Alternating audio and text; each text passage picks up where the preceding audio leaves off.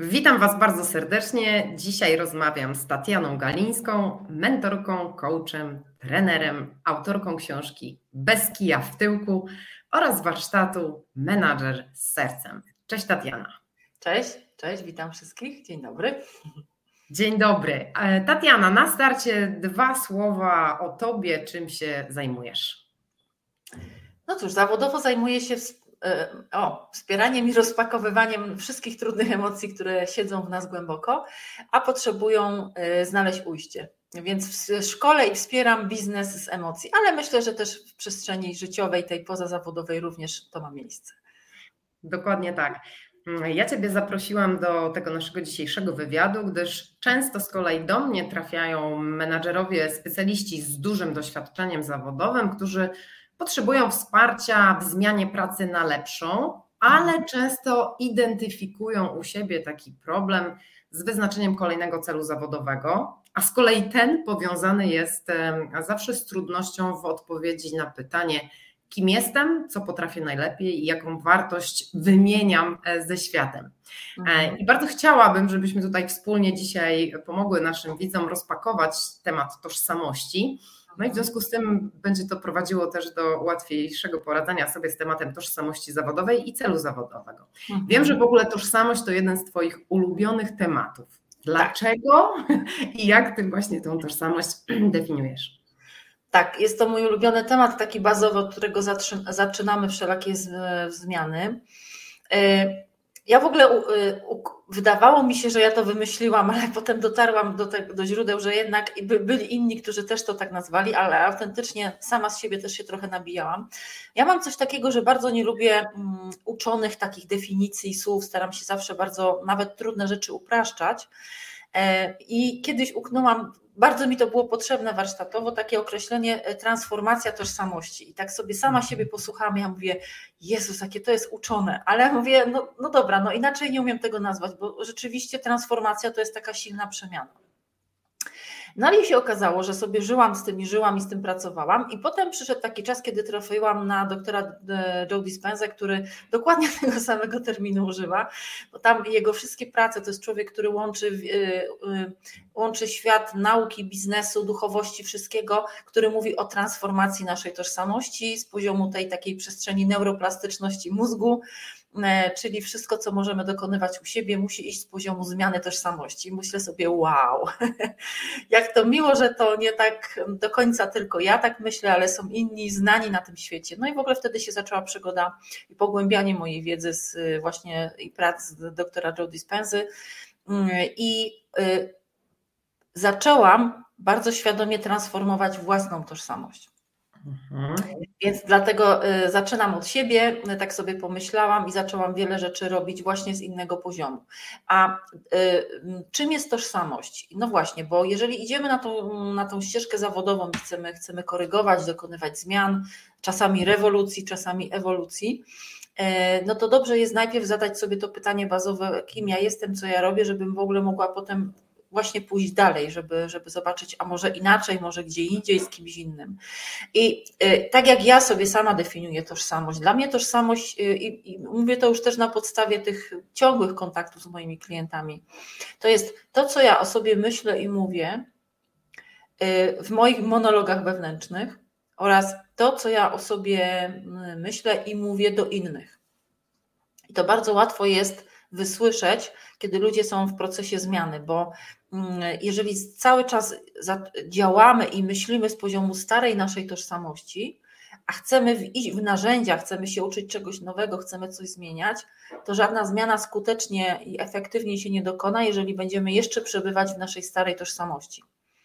Podaję tak. przykład. Miałam taką klient, takich podobnych klientek miałam kilkadziesiąt, ale ta jedna była szczególna. Ona o sobie cały czas mówiła, miała bardzo duże problemy z asertywnością, w ogóle ze stawianiem granic, bardzo duże. I ona y, y, uczyła się tego wszystkiego, rozumiała tą y, jakby całą teorię, o co chodzi z asertywnym stawianiem granic, z tym wszystkim, dlaczego to robimy, po co, już wiedziała, dlaczego tego nie robi, bo to też ma bardzo duże znaczenie. Mhm. Natomiast e, kiedy doszłyśmy do elementu narzędzi, czyli ona miała zacząć implementować w swoim życiu konkretne narzędzia już stawiania granic, to podczas spotkań wysłyszałam parę razy, że jeszcze cały czas komunikuje się z poziomu starej tożsamości. Czyli mówiła, a mówisz, bo ja to jestem taka ciocia klocia, tak na mnie mówią, ja taka ciocia klocia jestem, ja nie umiem, ta asertywność to taka moja pięta achillezowa, czyli ona ciągle przebywała w tamtej tożsamości. A tak naprawdę właśnie, żeby transformować, to przynajmniej sukcesywnie możemy coś zmieniać, czyli mówić, wiesz co, teraz już się zmieniam, teraz już się uczę stawiać granice. To już jest kolejny krok, który nam pokazuje, że już zaczynamy mówić z nowej tożsamości. Miałam hmm. kiedyś spotkanie z taką z moją klientką, która właśnie ładnie było y, słychać w tle, jak ona już mówi na przykład z poziomu nowej tożsamości, bo ona będąc taką tak zwaną managerką, która ratowała cały swój zespół, któregoś dnia tam po piątej czy szóstej sesji powiedziała, bo wiesz, bo ja teraz jestem taką szefową, która deleguje, wymaga i sprawdza. Ja mówię i właśnie teraz powiedziałaś o sobie z poziomu nowej tożsamości. Super, fantastyczny przykład. Mm, I w ogóle mm, bardzo się cieszę, że wspomniałaś o narzędziach, dlatego że ja często słyszę od osób, które chcą zmienić pracę, mm, no okej, okay, ale y, no jak mam zidentyfikować tą swoją tożsamość, jakie mam podjąć działania. Często tutaj też rozmawiamy sobie, nie wiem, o testach talentów, które gdzieś tam są jakąś wskazówką, ale w zasadzie od czego warto zacząć ten proces w ogóle i zidentyfikowania i potem przepracowywania tej swojej tożsamości, może jakie, jakimi narzędziami? Narzędzi jest, y, narzędzi jest sporo, dlatego że może ja bym trochę od innej strony zaczęła, bo jeżeli y, bo na ogół jest tak, że jeżeli ktoś mówi chciałabym, czy chciałbym dokonać zmiany czy korekty pracy, to znaczy, że z jakich właśnie z jakich powodów chce jej dokonać, co tam się dzieje. Mhm. No i jakby od tego warto wychodzić, bo może być tak, że ktoś na przykład nie ma takiej świadomości, że y, to, co mu się przydarza w, naszym, w jego życiu zawodowym, to są powtarzające się schematy i on nawet tego nie widzi, że to jest odgrzewany kotlet.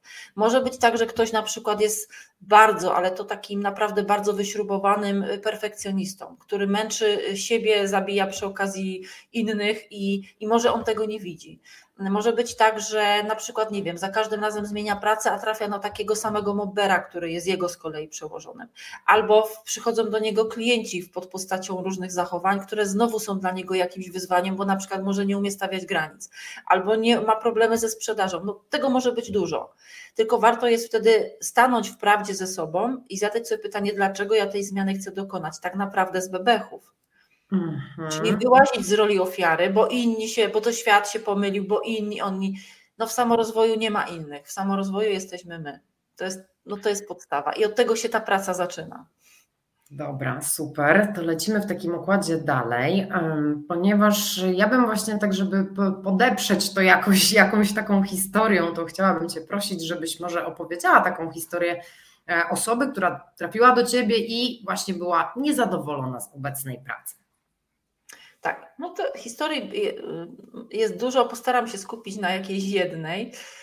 E, tak, trafiła do mnie taka mm, osoba, kobieta, dojrzałym, dorosła, dorosła, dojrzała kobieta, lat chyba 41, która mm, była na takim etapie swojego życia, że y, poszukiwała, poszukiwała nowego pracodawcy, była chyba na zwolnieniu lekarskim, bo ona była, y, o właśnie, sytuacja, która jej dotykała, to była sytuacja związana z tym, że był tam bardzo silny mobbing. I taki mobbing powtórzył się już jej dwukrotnie. Więc mhm. Y, ona odeszła, tak, odeszła, była na zwolnieniu lekarskim, trochę psychiatrycznie się wspierała, ale potem już wyszła na prostą, powiedzmy, i stwierdziła, że żeby zrobić cokolwiek dalej, no to, no to musi się temu przyjrzeć. No i czytając moje posty, czytając, śledząc to, co ja robię, stwierdziła to, że może to jest taki moment, żeby się tutaj przyjrzeć temu i pogrzebać. No i właśnie. No i, i właśnie wtedy ona zaczęła, zaczęłyśmy bardzo głęboką pracę z tym, dlaczego w ogóle tak się dzieje, że ktoś trafia na mobberów, co to są za programy, do czego nas taki, bo inni zawsze nas, zna, znacie pewnie tą teorię, teorię lustra, czyli jeżeli ktoś staje na naszej drodze, to zawsze to jest ten moment, żeby, żebyśmy się czegoś o, o sobie dowiedzieli, to zawsze jest o nas w pewnym sensie, nie? No i ona właśnie wtedy zaczęła bardzo mocno grzebać, skąd się to mogło wziąć, dlaczego? No więc na przykład do czego może, w jej przypadku tak było, do czego stawiał ją mober, taka osoba, która ją tam dosyć mocno prześladowała. No ona na przykład ciągle wchodziła w zachowania bardzo lękowe, ona nie stawiała granic, ona nie, Często mober, osoba, która w taki sposób pracuje, stawia nas na przykład do tego, żeby spotkać się z własnym lękiem. Nie potrafię stawiać granic, nie umiem zadbać o swoje zasoby, nie umiem tego zrobić.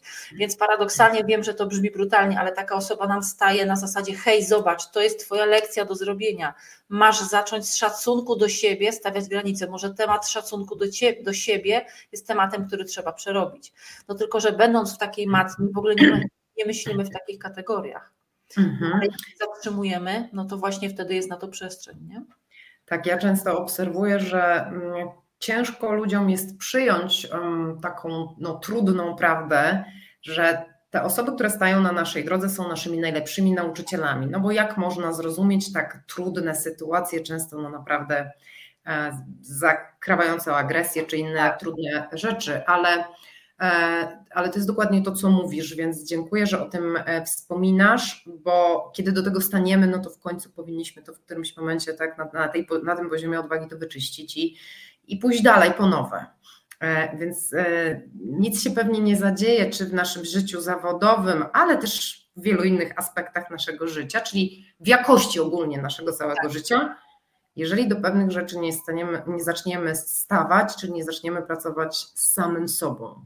Tak, tak. I to ja bym to nazwała, to jest ten moment takiej, no tak jak jest u Hawkinsa, mamy tą odwagę, to to jest taka odwaga stanięcia do prawdy ze sobą. To, ja wiem, że to może brzmi straszliwie banalnie, no ale, ale to jest bardzo, bardzo prawdziwe. No jak zaczynam, przestaję, o, wychodzę z mechanizmów samo oszukiwania siebie, wychodzę z roli mhm. ofiary, przestaję obwiniać innych, to to jest ten moment prawdy. Muszę stanąć sama ze sobą w prawdzie, żeby sobie odpowiedzieć na te pytania. No bo samo tak. oszukiwanie nas ciągle będzie na manowce gdzieś tam spychać, nie? Tak, dokładnie. E, no właśnie, a jak to jest e, w biznesie? E, wiem, że ty też szkolisz biznes z emocji. Mm, a skoro tak, no to dotykamy tu zawsze miejsca pracy, tak? Gdzieś wchodzisz na szkolenie. I jakie są, Tatiana, Twoje obserwacje? Z czym ludzie w biznesie mają największe wyzwania? No właśnie. Y, ja sobie jakby, jakby najprościej odpowiedzieć na to pytanie. Katalog tych tych, nie lubię słowa problem, ale powiedzmy tych problematycznych y, doświadczeń, które, które doznają ludzie, jest, jest podobny, zbliżony, bo Często jest tak, że, że, że ludzie tak bardzo mocno fokusując się na tym, ja chcę być menadżerem, jak najlepszym menadżerem, tak się skupiam też na zadaniach, że w ogóle przestaję jakby y, o, lecę na autopilocie, nie wchodzę tak naprawdę w siebie, czyli wiele razy jest tak, że o emocjach nie mówię. Robię, robię, robię, żeby tylko się nie zastanowić, dlaczego ja tak robię, bo może robię za dużo, może robię nie w tą stronę. E, I, i Lecenie autopil na autopilocie ma te plusy, że oczywiście pewne rzeczy mamy zautomatyzowane, wiadomo, mhm. natomiast niestety no, y, y, prowadzi to też do tych samych zachowań. I y, często jest tak, że ludzie nie widzą na przykład u siebie albo mylą perfekcjonizm, chociażby taki mój ulubiony perfekcjonizm, mhm. który utożsamiają, że to jest bardzo profesjonalne, czyli perfekcjonizm utożsamiają z profesjonalizmem a to nieprawda. Mhm. Więc y, na przykład z takim czymś ludzie mówią: Jestem wydrenowany, jestem wydrenowana, mam tak wysokie, wyśrubowane standardy, wymagam od siebie straszliwie dużo, wymagam tego od ludzi.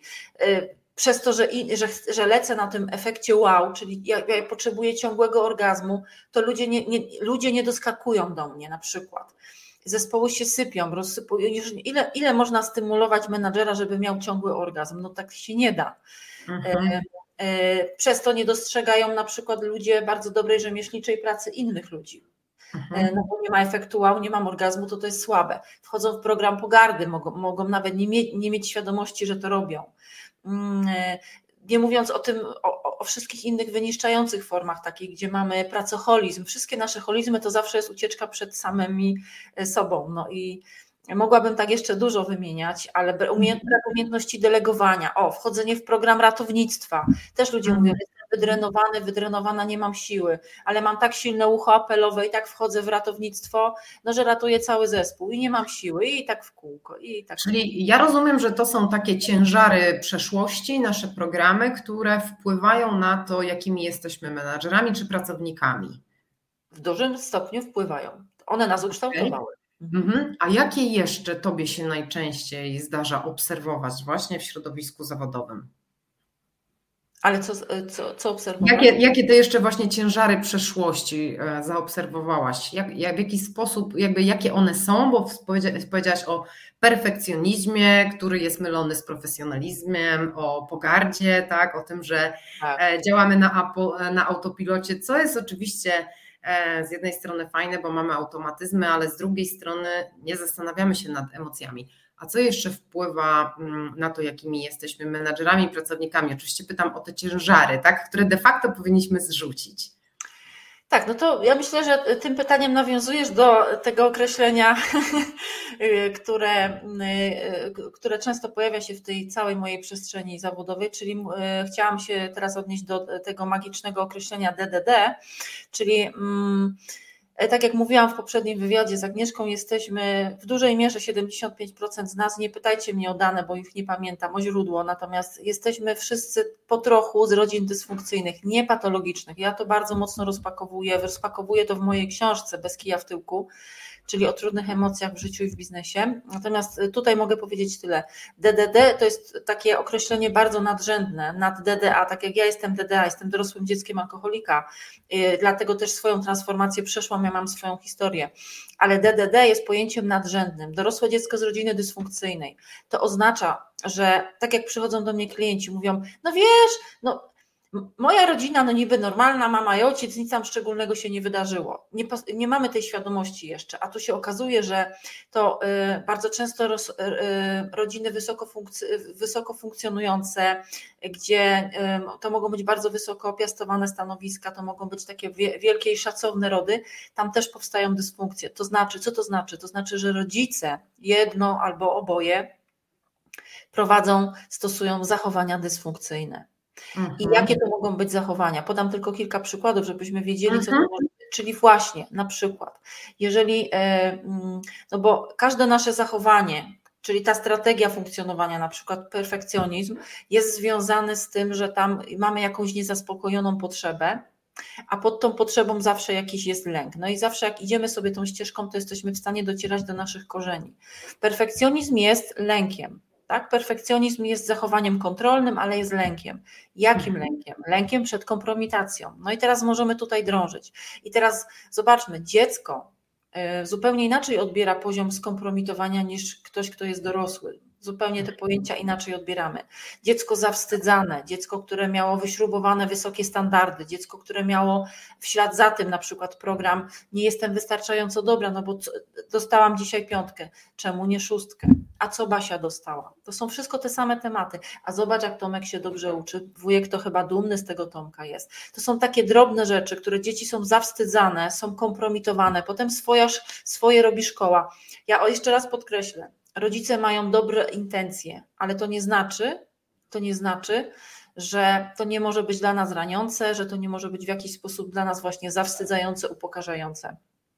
Mm, poza tym rodzice też od kogoś to dostali, to tak w rodzie sobie idzie pewnie często przez wiele, wiele pokoleń i tak wcale nie mieli takiej intencji, tylko inaczej nie potrafili, tak? Dokładnie, inaczej nie potrafili, tak. Natomiast nie zmienia to faktu, że my w tej naszej robocie mamy się zająć tym, żeby ich tutaj nie biczować, nie osądzać, ale też dosyć mocno z taką trochę lasera precyzją, dotrzeć do tego jednak, jak to na mnie wpłynęło, jakie były te zachowania i jak to na mnie wpłynęło, żeby to rozbroić. No właśnie, bo skoro jakoś to na mnie wpłynęło, tak, na większość z nas, to oznacza, że z tych, z tych wyników, które podałaś, że trzy na cztery osoby, które de facto spotykamy w życiu zawodowym również, e, no mają jakieś dysfunkcje, i w jakiś sposób to się przekłada właśnie na nasze życie zawodowe, na relacje w tym życiu, na trudności, które identyfikujemy, czy w trakcie pracy, czy przy zmianie pracy i co nas tak naprawdę blokuje, by sięgnąć, nie wiem, po coś lepszego dla siebie w tym środowisku zawodowym.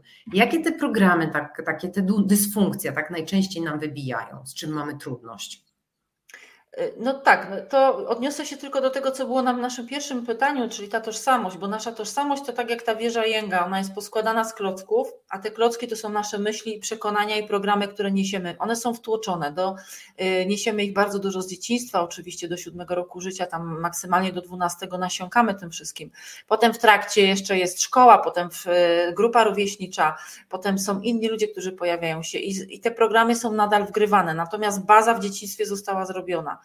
No i teraz um, chciałabym trochę uprościć, bo oczywiście w mhm. zależności od tego, jacy rodzice byli, inne rzeczy nam mogli wtłaczać bo, wtłaczać, bo my jako dzieci uczymy się przez modelowanie nie tylko to, co my słyszymy, ale też to, co widzimy, to, co robią rodzice, prawda? Więc y, myślę sobie, że bardzo częstym przykładem tego, że ludzie nie sięgają dalej, więcej, y, to jest taki bardzo mocny program, który bardzo często jest w ogóle nieuświadomiony. To jest taki program, nie jestem wystarczająco dobra. To jest baza. To mhm. większość ludzi tak ma. E, nie, nie zasługuję, nie jestem godna, żeby zarabiać dobre pieniądze, albo takie programy muszę się natyrać, żebym była godna, żeby dobrze zarabiać, albo taki program, że jak jest takie, znacie na pewno to określenie pracuj mądrze, a nie ciężko, no to w wielu rodzinach ten program jest podszyty innymi jeszcze przekonaniami pod tytułem, że to znaczy, że to trzeba cwaniakować albo oszukiwać. Tak jakby nie, nie uczy nas nikt tego, co to znaczy mądrze, że to ma być efektywnie, że ja mam szanować wszystkie swoje zasoby, moje know-how, za moje zasoby czasowe. To też znaczy pracować mądrze, a nie kombinować. Ale jak ktoś ma przyklejony, nieuświadomiony taki program, no to będzie sam sobie to bojkotował. Tego jest bardzo dużo. Mhm. Um, Okej, okay. ja myślę, że pewnie sporo osób nas może słuchać i teraz sobie myśli, no dobra, ale jak to tak jakoś właśnie może jeszcze bardziej uprościć? Jak w sobie tak zidentyfikować te rzeczy? No załóżmy taką sytuację, że um, nikt, no nie wiem, te osoby, które dzisiaj słuchają, to przynajmniej część z nich, nie wiem, nie była na warsztatach y, rozwojowych z takiego obszaru, nie wiem, nie odpinała nigdy programów, nie przeczytała chociażby technik uwalniania Hawkinsa, to co, co, co może zrobić w takiej sytuacji? Po czym może poznać, że to nie świat nam ten cały obornik przynosi, tylko my sobie sami? Hmm. No to jest bardzo, no tak zero-jedynkowo związane z poziomem naszej samoświadomości. Mhm. I y, wspomniany przez Ciebie Hawkins, twórca tej cudownej, wspaniałej mapy poziomów świadomości, o której ja też bardzo dużo mówię i uczę, to ja ją sobie bardzo uprościłam. Y, i, I ja ją tak przetransformowałam trochę na takie trzy stany. E, też w książce to tam rozwijam, czyli mamy stan takiej piwnicy emocjonalnej. I my się po tym, to tak jakbyśmy sobie dom wyobrazili. Mamy piwnicę, salon i dach. Takie trzy kroki bardzo ważne. I teraz mm, znaczna część ludzi, albo taka część osób, która jeszcze nigdy nie trafiła na ścieżkę samorozwojową, jeszcze czegoś nie zobaczyła i nie liznęła, często tkwi w takiej piwnicy emocjonalnej. Ja to tak nazywam. To znaczy właśnie wchodzi bardzo często, jak jest w piwnicy? No w piwnicy jest ciemno, w piwnicy jest brudno, nie ma okien, boimy się, nie bez kozery tam się większość horrorów toczy. Y, I my tak też emocjonalnie, jeżeli przebywamy, przebywamy w tej emocjonalnej piwnicy, to tak się też czujemy. Czyli wtedy często mamy bardzo dużo lęków, tam jest marazm, tam jest strach, tam jest obawa, tam jest obwinianie, tam jest często sterczenie w roli ofiary świat się pomylił, to wszystko przez innych i tak dalej, nie umiem, nie potrafię, ale nie zrobię nic innego. Ja to nazywam takim trybem przetrwalnikowym, tryb przetrwania, taki tryb ślimaka. Życie mi się przydarza, ja nie mam na nic wpływu. No i, i teraz tak, przychodzi taki moment, że albo ktoś, zaraz powiem dlaczego, zobaczy światełko w tunelu, zobaczy schody i pójdzie do salonu, albo całe życie będzie żył w trybie ślimaka i nic się nie zmieni. To tylko od nas zależy, czy my daną rzecz, która nam się przytrafi, zobaczymy jako szansę czy zagrożenie, nie? czy podwiniemy mhm. jeszcze głębiej w tej piwnicy będziemy siedzieć, czy jednak zobaczę światełko w tunelu. Co może być tym światełkiem? Często jest tak, i to mówię na podstawie też doświadczeń, nie tylko moich, ale no, mm, cały czas moich klientów, że czasami ktoś nam podrzuci jakiś link wejdziemy w ten link, przeczytamy, może jakiś artykuł, czasami jakąś książkę, czasami ktoś podcast usłyszy, e, ktoś pójdzie na jakiś webinar, ktoś pójdzie na warsztaty, albo w ogóle ktoś komuś coś pokaże i powie, jakiś tak. poziom feedbacku powiedzmy zastosuje. I nagle w danej osobie przyjdzie taki moment, kiedy coś w nim przeklika i popatrzy na te schody i pomyśli sobie, dobra, mimo że się boję, no to idę tam, idę po tych schodach, może tam wejdę do tego salonu, czyli to jest ten moment, kiedy my działamy pomimo lęku, no bo ta odwaga to jest działanie pomimo lęku, czyli po drugiej, lęku, po drugiej stronie lęku zawsze leży wiedza. bo jak czegoś już się nauczę, coś zrozumiem, no to pójdę dalej. No i to jest taki moment, kiedy ludzie wchodząc na tą, i myślę sobie, że ja w dużej mierze pracuję z ludźmi, którzy są albo na tych schodach, albo właśnie weszli do salonu i chcą zrobić coś więcej. Weszli już, poczuli, przekroczyli poziom odwagi, jak u Hawkinsa na poziomie 200 i idą dalej. E, więc nie wiem, czy odpowiedziałam na Twoje pytanie, ale ja to tak widzę, bo w tym salonie już zupełnie inne emocje nam towarzyszą i my już inaczej funkcjonujemy, zupełnie. Jasne, nie, no w ogóle świetne porównanie. Myślę, że też bardzo ciekawe uproszczenie, które tak obrazowo pokazuje, w którym miejscu jesteśmy. Ja się tak uśmiecham, bo jak ja pracuję z grupami mentoringowo, to z kolei mam taki moment, gdzie pokazuję to wyjście z jaskini, mam takie zdjęcie człowieka stojącego w garniturze, ale on naprawdę jest w jaskini, czyli gdzieś, gdzie tak. jeszcze można się schować, tak. a tam trzeba trochę rozłożyć ręce i na ten rynek pracy już się pokazać. I to widzę, że jest często taki trudny moment, ale jak? Jak ja mam się tak po prostu pokazać, powiedzieć, jakie mam kluczowe talenty, co potrafię, jaką wnoszę wartość. No i de facto to jest takie przechodzenie albo pomiędzy tą piwnicą i salonem, albo między tym salonem a dachem, prawda? Tak, tak. Więc e, może nadzieją tutaj jest to, że wiele osób ma z tym wyzwanie, ale da się to przejść. I ja często mawiam, możesz się bać w takiej sytuacji, ale to nie zmienia faktu, że możesz też działać. Tak. Tak, no to działanie pomimo lęku, to jest odwaga. Działanie tak, pomimo jest, I to jest też ten wybór, który mamy. Możemy zostać w tej jaskini, a możemy działać mimo lęku i za każdym kolejnym razem już będzie też łatwiej. Tak. Mhm. No właśnie, ja jeszcze chciałam e, wrócić, Tatiana, do mm, jednego ważnego wątku, który wyszedł mi w trakcie badania, w trakcie ankiety, którą przeprowadziłam wśród e, menadżerów i specjalistów. I zapytałam ich e, o to, co jest ich główną motywacją do zmiany pracy. Było oczywiście kilka kluczowych odpowiedzi. E, natomiast e, jedna z takich, która mnie bardzo zaskoczyło, to że aż 43% osób wskazało na kiepską atmosferę w obecnej firmie. Mhm.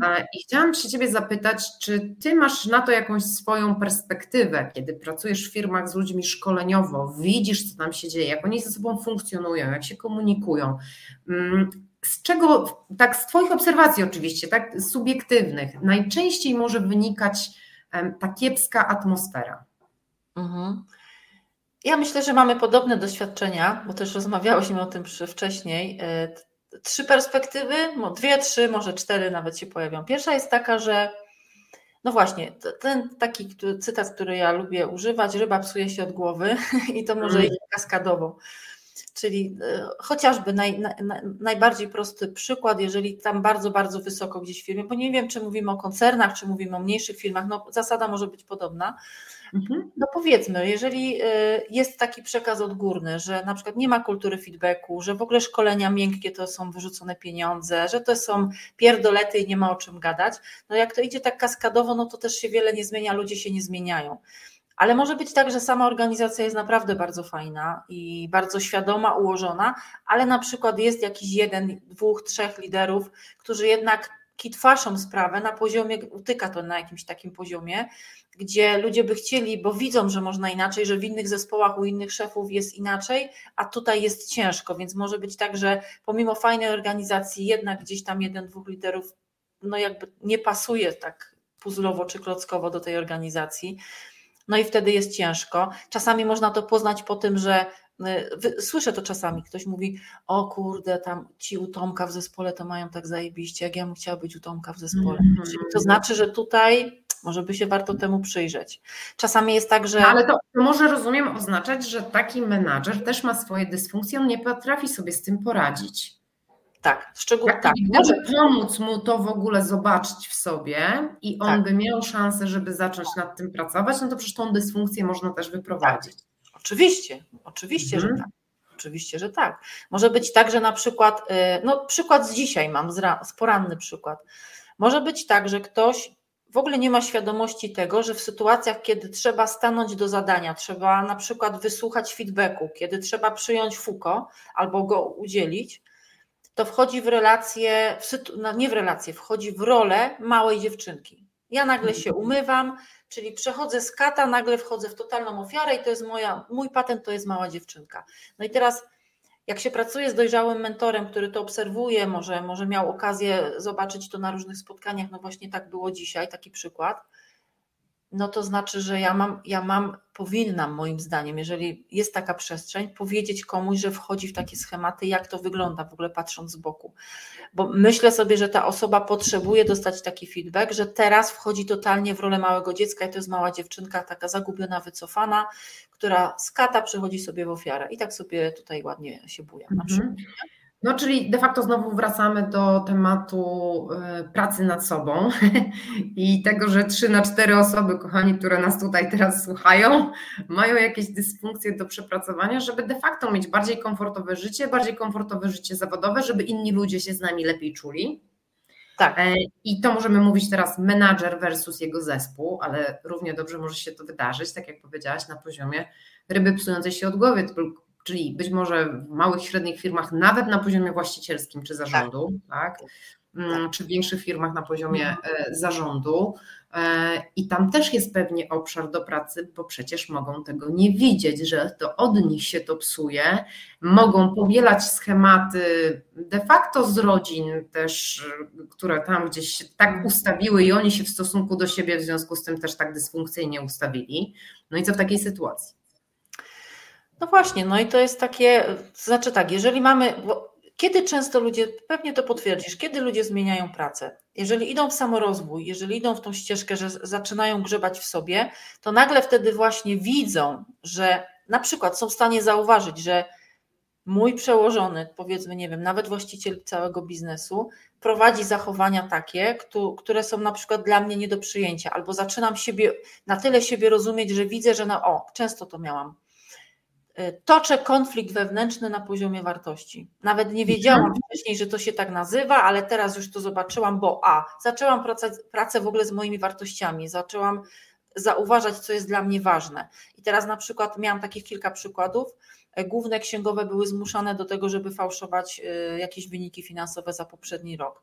To, było taki, to był tak potworny konflikt na poziomie wartości, że dwie czy tam trzy z nich przymuszone potem somatycznie odchorowały. To i nie było takiej możliwości. Nie? No i to jest ten moment wyboru, ale jak poszły, to zrozumiały, dlaczego tak cierpiały, nie? bo to się w mhm. ciele zawsze, e, zawsze się to w ciele gdzieś tam odezwie wcześniej czy później. Nie?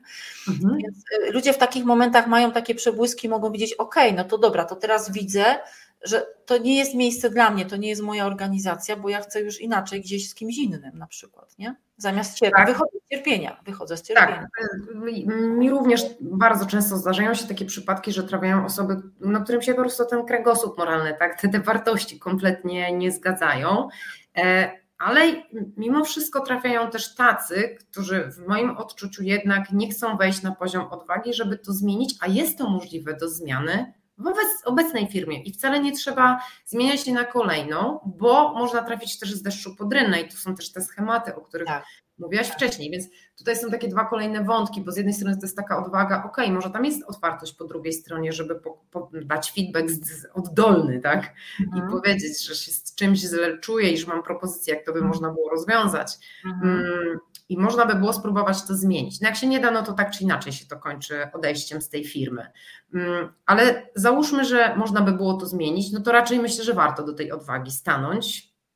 Nie wiem, co ty na ten temat sądzisz. Nie, no zdecydowanie. Ja widziałam takie sytuacje, kiedy ktoś yy, yy, uczył, no wróćmy znowu do tego stawiania granic, ale to ma częste miejsce, miejsce mhm. w biznesie.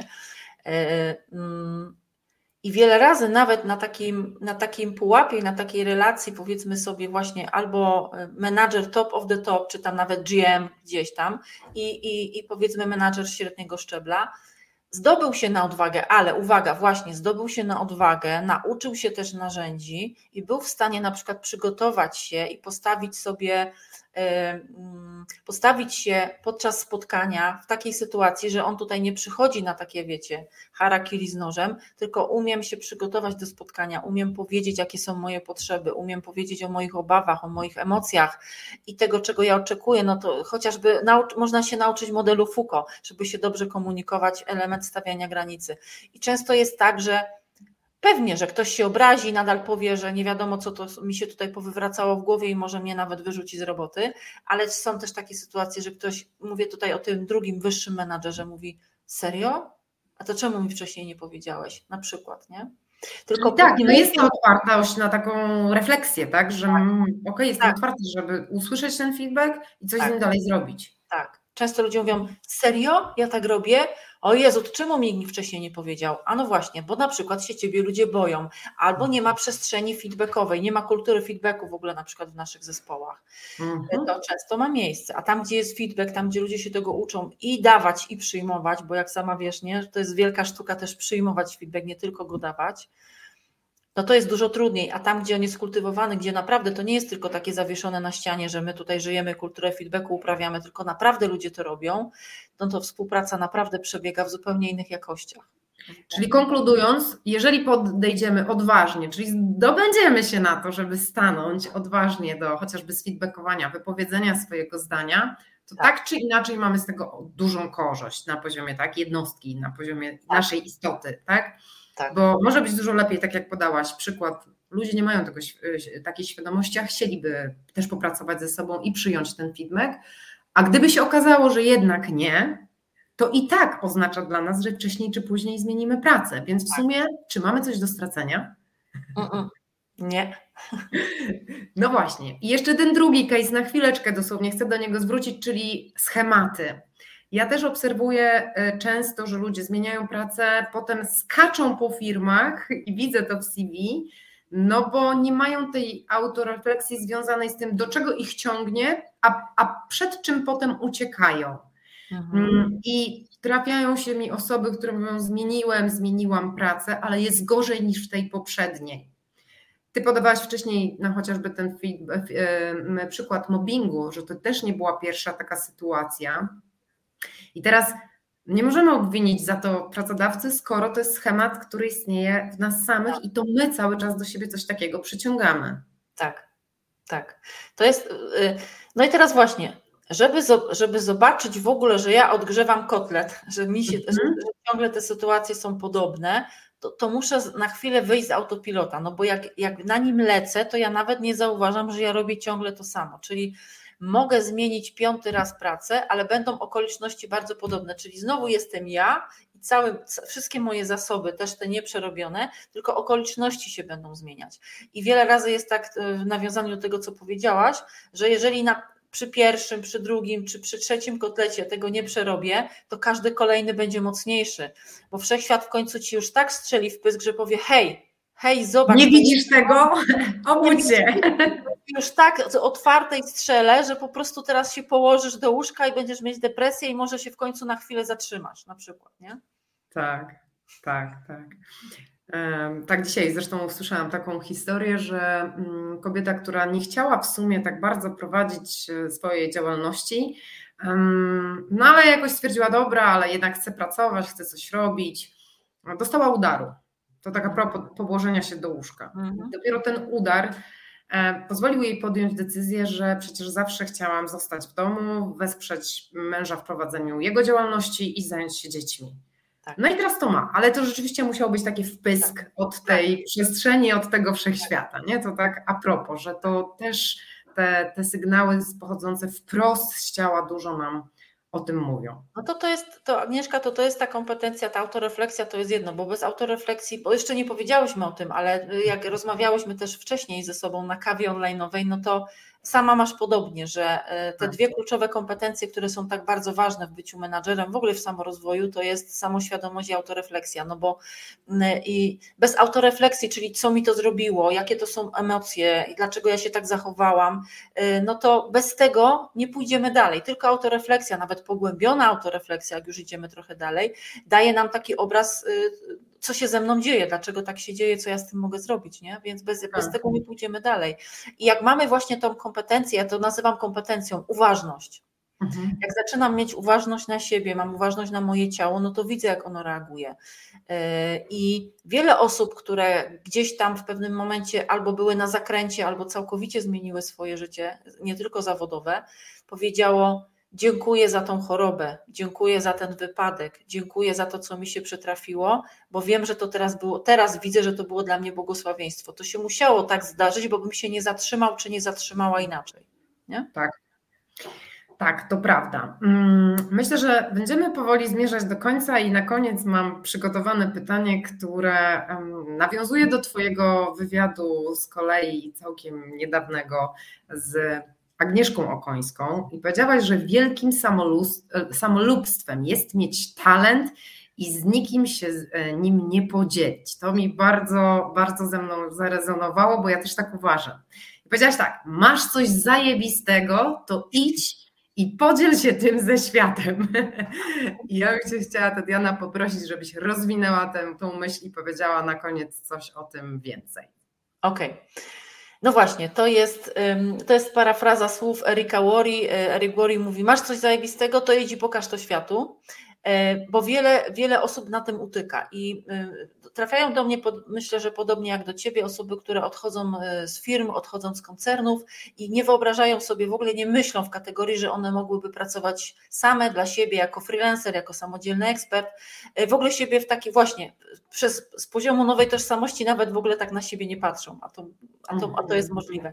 Miałam kilka takich, kilkanaście takich przypadków, gdzie ktoś odchodził z firmy, mówił, nie, nie, nie, nie, nie, ja szukam teraz kolejnego pracodawcy, po czym się po dwóch, trzech miesiącach okazywało, że no way, nie, nie ma takiej opcji, ja jednak idę w to y, pracowanie projektowe, że jednak mogę być samodzielnym ekspertem, który tutaj współpracuje. Tylko, że o co chodzi?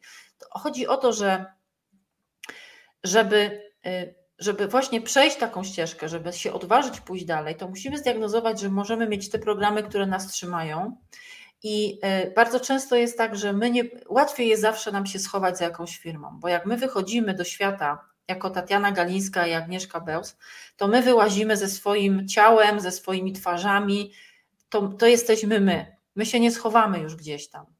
I ludzie się tego bardzo boją, bo mają takie przekonania, nie jestem wystarczająco dobry, co ludzie powiedzą, a będą mnie oceniać i tak dalej, i tak dalej. I bardzo często ludzie utykają, na, nie, nie mają umiejętności sprzedażowych na przykład.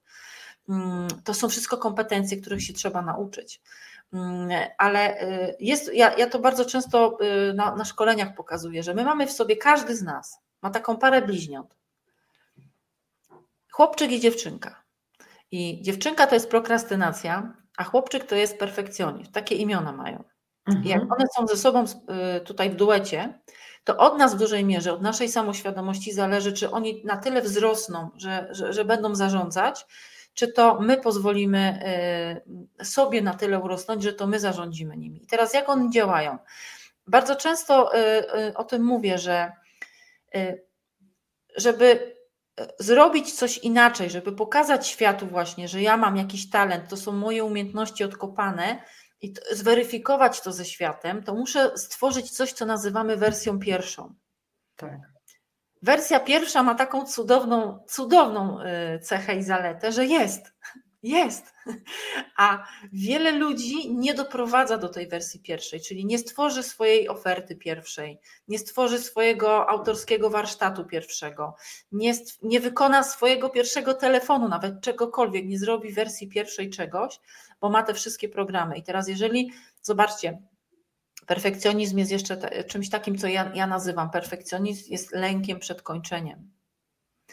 Bo to oznacza, że jak ja skończę, czyli nie daj Boże, zrobię tą wersję pierwszą, to teraz będę musiała, czy musiał iść pokazać to światu.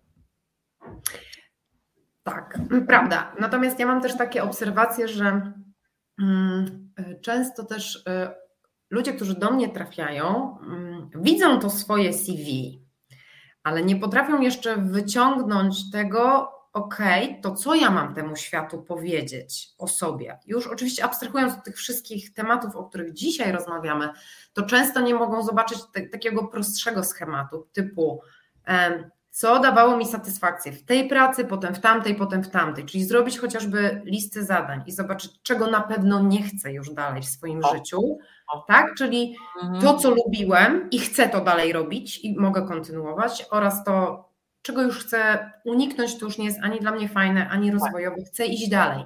Tak. Ok, z tego mi się wyłania jakiś obraz sytuacji, że być może ja nie muszę być super sprzedawcą, bo wcale nie każdy musi tak. się tych kompetencji sprzedażowych, tak uważam, e, na jakimś poziomie nie wiadomo jakim nauczyć, bo ja mogę mieć świetny talent do wymyślania, wprowadzania produktów, dopracowywania ich, optymalizacji, a potem oddawania tego, tego tak. nawet, żeby ktoś inny tym zarządzał, bo tak. ja chcę się dalej realizować w nowych rzeczach, tak? tak?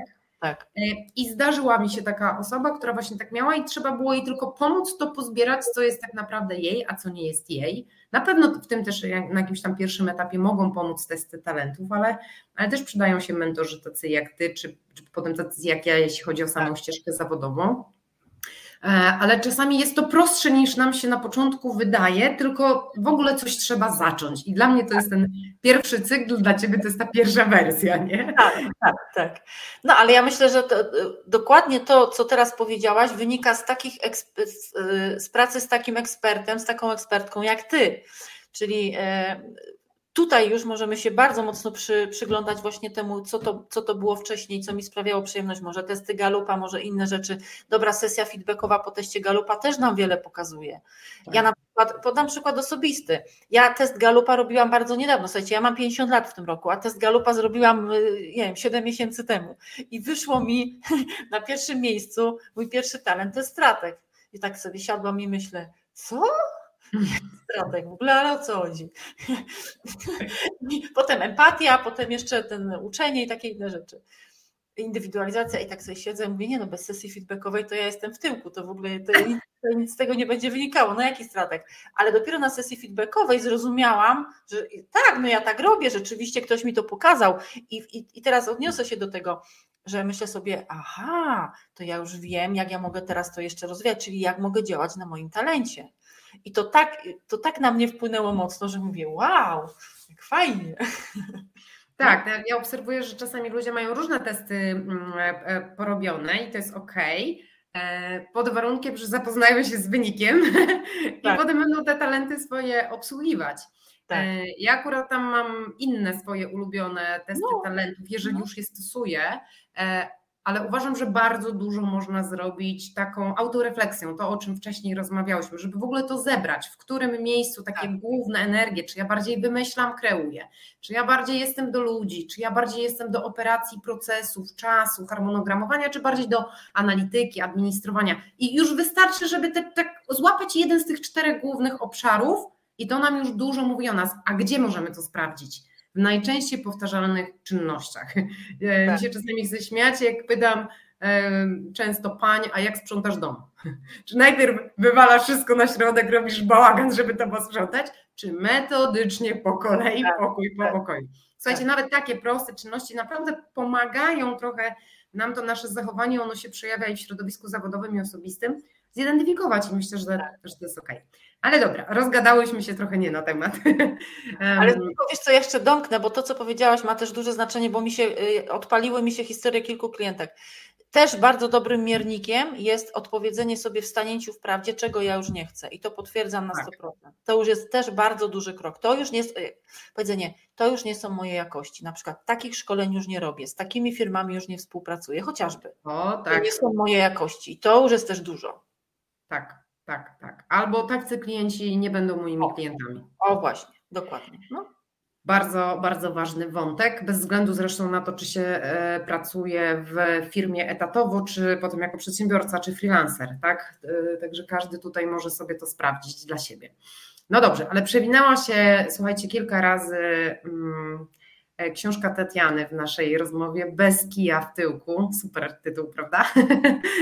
E, więc Tatiana, e, jeżeli słuchacze chcieliby zgłębić trochę te tematy, które dzisiaj tak napomknęłyśmy, bo to, bo to gruby temat, tak? gruby obszar ekspertyzy, to powiedz dwa słowa, gdzie tę książkę Twoją można znaleźć, gdzie w ogóle słuchacze mogą Cię znaleźć, jakiś może link też do Twojego podcastu. Oczywiście my wszystko to podlinkujemy, ale tak dosłownie dwa słowa, tak? Gdzie cię można znaleźć i gdzie ta książka? Okay. I... No tak, książkę można chyba w najprostszy sposób kupić przez, na mojej stronie. Strona jest bardzo prosta, tatianagalińska.pl, bardzo prosta.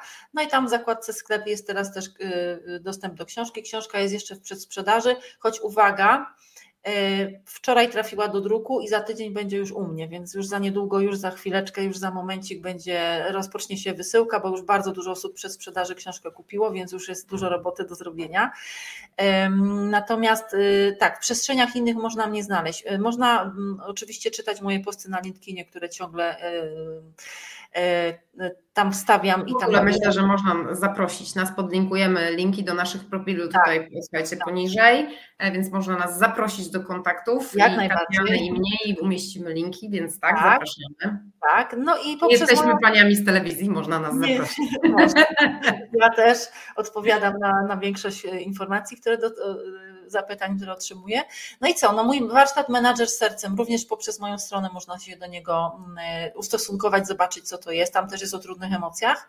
E, no i ten mój najnowszy produkt, to jest podcast, on też się nazywa Menadżer sercem, a on się wziął tylko stąd, że na wielu moich szkoleniach, które robię o emocjach, nie ma przestrzeni, żeby jeszcze o czymś powiedzieć i pomyślałam sobie, no to dobra, to ja to zawsze mogę dopowiedzieć w formie podcastów. I no i tam się przewija tych, tych, tych wątków takich emocjonalnych i różnych rzeczy bardzo dużo. Tam jest nie tylko o DDD, tam jest bardzo dużo właśnie moich takich osobistych, bardzo głębokich refleksji, moich historii.